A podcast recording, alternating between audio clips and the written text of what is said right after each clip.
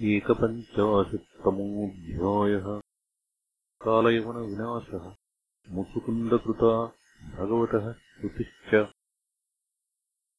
श्रीशुक उवाच तम् विलोक्य विनिष्क्रान्तम् दर्शनीयतमम् श्यामम् शीतकौशेयवाससम् श्रीवत्सवक्षसम् भ्राजत्कौस्तुभामुक्तकन्धरम् पृथुदीर्घचतुर्बाहुम् नवकञ्जारुणे क्षणम् नित्यप्रमुदितम् श्रीमत्सुकपोलम् शुचिस्मितम् मुखारविन्दम् बिभ्राणम् स्फुरन्मकरकुण्डलम् वासुदेवो ह्ययमिति पुमान् श्रीवत्सलाञ्छनः चतुर्भुजोरविन्दाक्षो वनमाल्यतिसुन्दरः। लक्षणैर्नारदप्रोक्तैः नान्यो भवितुमर्हति। निरायुधश्चलन् पद्भ्याम् योक्ष्येनेन निरायुधः। इति निश्चित्य यवनः प्राद्रवन्तम् पराङ्मुखम् अन्वधावज्जिगृक्षुस्तम् दुरापम् अपि योगिनाम् हस्तप्राप्तमिव आत्मानम् हरिणा सपदे पदे नीतो दर्शयता दूरम् यवनेशोद्रिकन्दरम्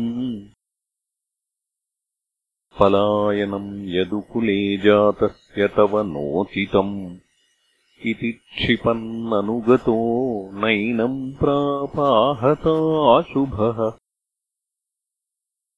एवम् क्षिप्तोऽपि भगवान् प्राविशद्गिरिकन्दरम् सोऽपि प्रविष्टस्तत्रान्यम् शयानम् ददृशे नरम् नन्वसौ दूरमानीय शेते मामिह साधुवत्। इति मत्वाच्युतम् मूढः तम् पदासमताडयत् सौत्थाय चिरम् सुप्तः शनैरुन्मील्यलोचने दिशो विलोकयन् पार्श्वे तमद्राक्षीरवस्थितम् तावत्तस्य रुष्टस्य दृष्टिपातेन भारत। देहजेनाग्निना दग्धो क्षणात् राजोवाच को नाम स पुमान् ब्रह्मन् कस्य किम् वीर्य एव च कस्माद्गुहाम् गतः शिष्ये किम् तेजो यवनार्दनः श्रीशुक उवाच सैक्ष्वाकुकुले जातो माम् धातृतनयो महान्। मुसुकुन्द इति ख्यातो ब्रह्मण्यः सत्यसङ्गरः स याचितः सुरगणैरिन्द्राज्यैरात्मरक्षणे असुरेभ्यः परित्रः तैस्तद्रक्षाम् सोऽकरोच्चिरम् लब्ध्वा गुहम् ते स्वः पालम् मुसुकुन्दम् अथाब्रुवन्। राजन् विरमताम् कृच्छ्राद्भवान्नः परिपालनात्। नरलोके परित्यज्य राज्यम् निहतकण्टकम् अस्मान् पालयतो वीरकामास्ते सर्व उज्झिताः सुता महिष्यो भवतो ज्ञातयो मात्यमन्त्रिणः प्रजाश्च तुल्यकालीया नाधुना सन्ति कालिताः कालो बलीयान् बलिनाम् भगवानीश्वरो व्ययः प्रजाः कालयते क्रीडन् पशुपालो यथा पशून्। वरम् वृणीष्वभद्रन्ते ऋते कैवल्यमद्य नः एक एवेश्वरस्तस्य भगवान् विष्णुरव्ययः एवमुक्तः स वै देवानभिवन्द्यमहायशाः अशयिष्टगुहाविष्टो निद्रया देवदत्तया। स्वापम् यातम् यस्तु मध्ये बोधयेत्त्वामचेतनः स त्वया दृष्टमात्रस्तु भस्मीभवतु तत्क्षणात् यवने भस्मसान्नीते भगवान् सात्वतर्षभः आत्मानम् दर्शयामास मुतुकुन्दाय धीमते। तमालोक्यघनश्यामम् पीतकौशेयवाससम् श्रीवत्सवक्षसम् भ्राजत्कौस्तुभेन विराजितम् चतुर्भुजम् रोचमानम् वैजयन्त्या च मालया चारुप्रसन्नवदनम् मकरकुण्डलम् प्रेक्षणीयम् नृलोकस्य सानुरागस्मिते क्षणम्। अपीत्यवयसम् मत्तमृगेन्द्रोदारविक्रमम् पर्यपृच्छन्महाबुद्धिस्तेजसा तस्य धर्षितः। शङ्कितः शनकैराजा दुर्धर्षमिव तेजसा। मुचुकुन्द उवाच को भवानिह सम्प्राप्तो विपिने गिरिगह्वरे पद्भ्याम् पद्मपलाशाभ्याम् विचरस्युरुकण्टके किम् स्वित्तेजस्विनाम् तेजो भगवान् वा विभावसुः? सूर्यः सोमो महेन्द्रो वा लोकपालोपरोऽपि वा? मन्ये त्वाम् देवदेवानाम् त्रयाणाम् पुरुषर्षभम्। यद्बाधसे गुहाध्वान्तम् प्रदीपः प्रभया यथा शुश्रूषताम् अव्यलीकम् अस्माकम् नरपुङ्गव। स्वजन्मकर्मगोत्रम् वा कथ्यताम् यदि रोचते। वयम् तु पुरुषव्याघ्र ऐक्ष्वाकाः क्षत्रबन्धवः मुसुकुन्द इति प्रोक्तो यौवनास्त्वात्मजः प्रभो चिरप्रजागरश्रान्तो निद्रयोपहतेन्द्रियः शयेऽस्मिन् विजने कामम् केनाप्युत्थापितोऽधुना सोऽपि भस्मीकृतो नूनम् आत्मीयेनैव पाप्मना अनन्तरम् भवान् श्रीमान् लक्षितो मित्रशातनः तेजसा ते विषह्येण भूरि द्रष्टुम् न शक्नुमः। हतौजसो महाभाग माननीयोऽसि देहिनाम् एवम् सम्भाषितो राज्ञा भगवान् भूतभावनः प्रत्याह प्रहसन् वाण्या मेघनादगभीरया। श्रीभगवानुवाच। जन्मकर्माभिधानानि सन्ति मेऽङ्गसहस्रशः न शक्यन्तेऽनुसङ्ख्यातुमनन्तत्वान्मयापि हि। क्वचिद्रजाम् हि विममे पार्थिवान्युरुजन्मभिः। गुणकर्माभिधानानि न मे जन्मानि कर्हिचित्। कालत् त्रयोपपन्नानि जन्मकर्माणि मे नृप अनुक्रमन्तो नैवान्तम् गच्छन्ति परमर्षयः तथाप्यद्यतनान्यङ्ग शृणुष्वगदतो मम। विज्ञापितो विरिञ्चेन पुराहम् धर्मगुप्तये। भूमेर्भारायमाणानामसुराणाम् क्षयाय च अवतीर्णो यदुकुले गृह आनकदुन्दुभेः।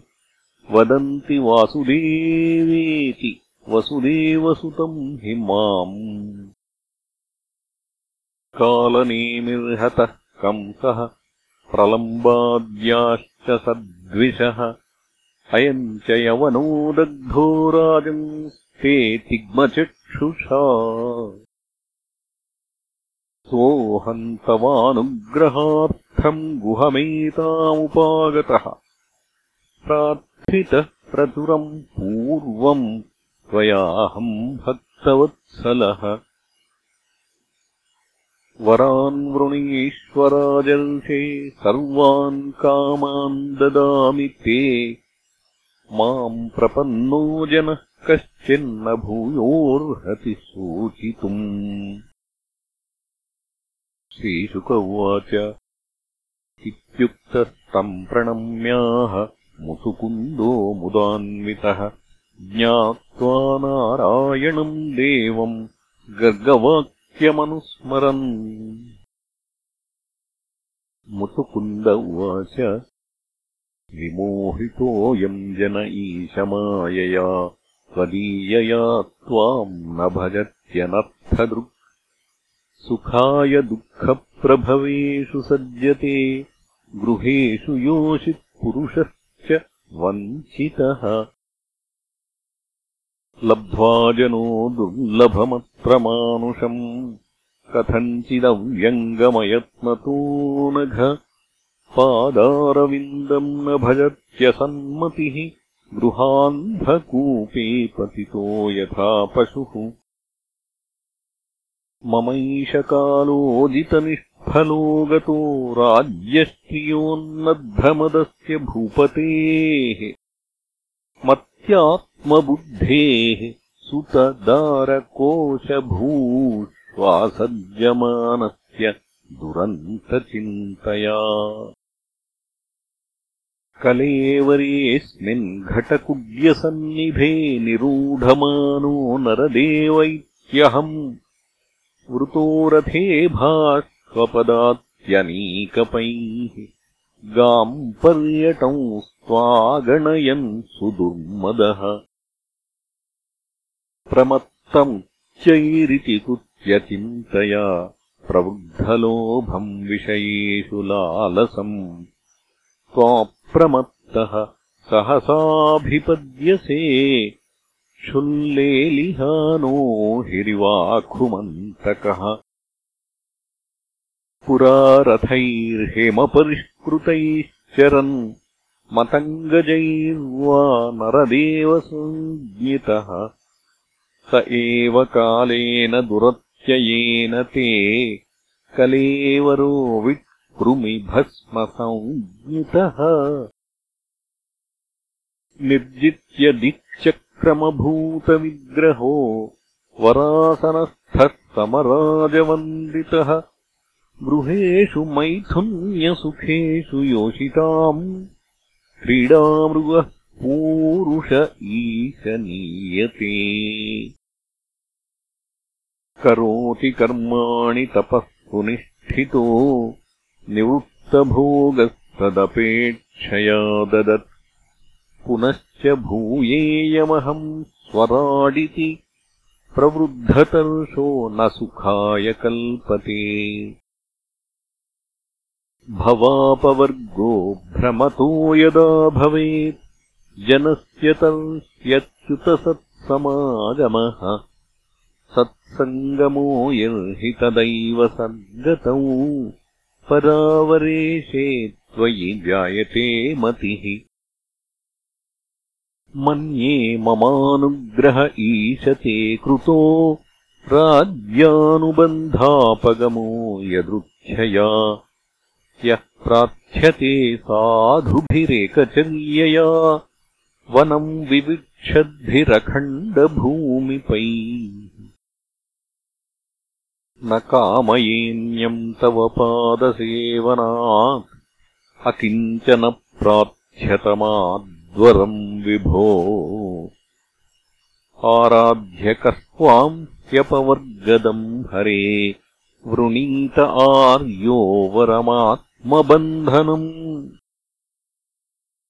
तस्माद्विसृज्याशिष ईश सर्वतो रजस्तमः सत्त्वगुणानुबन्धनाः। निरञ्जनम् निर्गुणमद्वयम् परम् त्वाम् ज्ञप्तिमात्रम् पुरुषम् व्रजाम्यहम्। चिरमिह वृजिनार्तस्तप्यमानोऽनुतापैः अवितुषषडमित्रो लब्धशान्तिः कथञ्चित्। शरणदसमुपेतस्त्वत्पदाब्जम् परात्मन् अभयमृतमशोकम्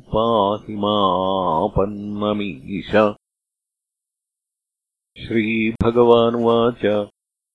सार्वभौममहाराजमतिस्ते विमलोज्जिता वरैः प्रलोभितस्यापि न कामैर्विहता यतः प्रलोभितो वरैर्यत्त्वमप्रमादाय विद्धि तत् न धीर्मय्येकभक्तानामाशीर्भिर्भिद्यते क्वचित्। युञ्जानानामभक्तानाम् प्राणायामादिभिर्मनः। अक्षीणवासनम् राजन् दृश्यते पुनरुत्थितम्। विचरस्वमहीम् कामम् मय्यावेशितमानसः अस्त्वेव नित्यदातुभ्यम् भक्तिर्मय्यनपायिनी। क्षात्रधर्मस्थितो जन्तून् न्यवधीर्मृगयादिभिः समाहितस्तत्तपसा जह्यघम् मदुपाश्रितः जन्मन्यनन्तरे राजन् सर्वभूतसुहृत्तमः। भूत्वा द्विजवरस्त्वम् वै मामुपैष्यसि केवलम्।